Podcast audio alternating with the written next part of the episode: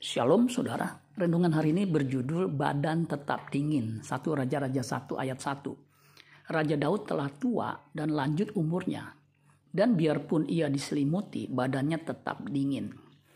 Menurut buku Treasury of Scripture Knowledge, Raja Daud telah berusia 69 tahun. Usia yang sudah tidak muda lagi. Di ayat ini dengan jelas dikategorikan telah tua. Biarpun sudah diselimuti badannya tetap dingin. Bahkan meski ia diberi selimut khusus oleh para punggawanya, tetap tidak ngaruh. Sebenarnya umur 69 tahun bukanlah usia yang terlalu lanjut, tapi Daud telah kelelahan dengan berbagai tekanan dan terutama kesengsaraan keluarga, tekanan dari Saul mertuanya, pemberontakan Absalom anaknya, sehingga dia jauh lebih tua dalam kesengsaraannya daripada usia seharusnya. Jika tubuh kita mencapai usia lanjut dapat dikategorikan atau dapat dipastikan banyak trouble yang datang silih berganti sampai akhirnya kita mati. Itu memang sudah naturnya manusia berdosa ya seperti itu. Itulah sunatullah yang dialami setiap insan di bumi. Alkitab dengan jelas berkata ketika manusia pertama jatuh ke dalam dosa ia pasti mati. Suatu hari laptop saya mati dan tidak bisa dipakai Akhirnya saya bawa ke toko servis laptop untuk diperbaiki dan di-upgrade. Setelah laptop saya diservis, tukang servis tersebut memberi nasihat. Laptop laptop tua seperti Bapak punya ini sudah tidak bisa di-upgrade lagi meskipun diganti memori dan hard disk. Karena prosesornya sudah jadul.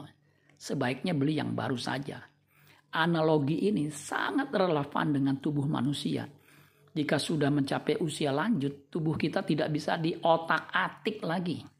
Yang ada adalah trouble atau kesukaran dan penderitaan. Sebelum kita mencapai kondisi yang sudah tidak dapat diperbaiki lagi, kiranya ketika masih ada kesempatan untuk diperbaiki dan dikembalikan ke rancangan Allah semula, gunakanlah waktu itu secara maksimal. Karena kesempatan kita menjadi serupa dengan Kristus hanya sewaktu kita hidup setelah itu sudah tidak ada lagi kesempatan. Efesus 5 ayat 15 sampai 16. Karena itu perhatikanlah dengan saksama bagaimana kamu hidup. Janganlah seperti orang bebal, tetapi seperti orang arif. Dan pergunakanlah waktu yang ada. Karena hari-hari ini adalah jahat. Jangan sampai kita itu seperti Esau yang tidak bisa diperbaiki lagi. Ibrani 12 ayat 16 sampai 17. Janganlah ada orang yang menjadi cabul atau mempunyai nafsu yang rendah seperti Esau yang menjual hak kesulungannya untuk sepiring makanan. Sebab kamu tahu bahwa kemudian ketika ia hendak menerima berkat itu, ia ditolak sebab ia tidak beroleh kesempatan untuk memperbaiki kesalahannya sekalipun ia mencarinya dengan mencucurkan air mata. Amin buat firman Tuhan. Tuhan Yesus memberkati. Sola Gracia.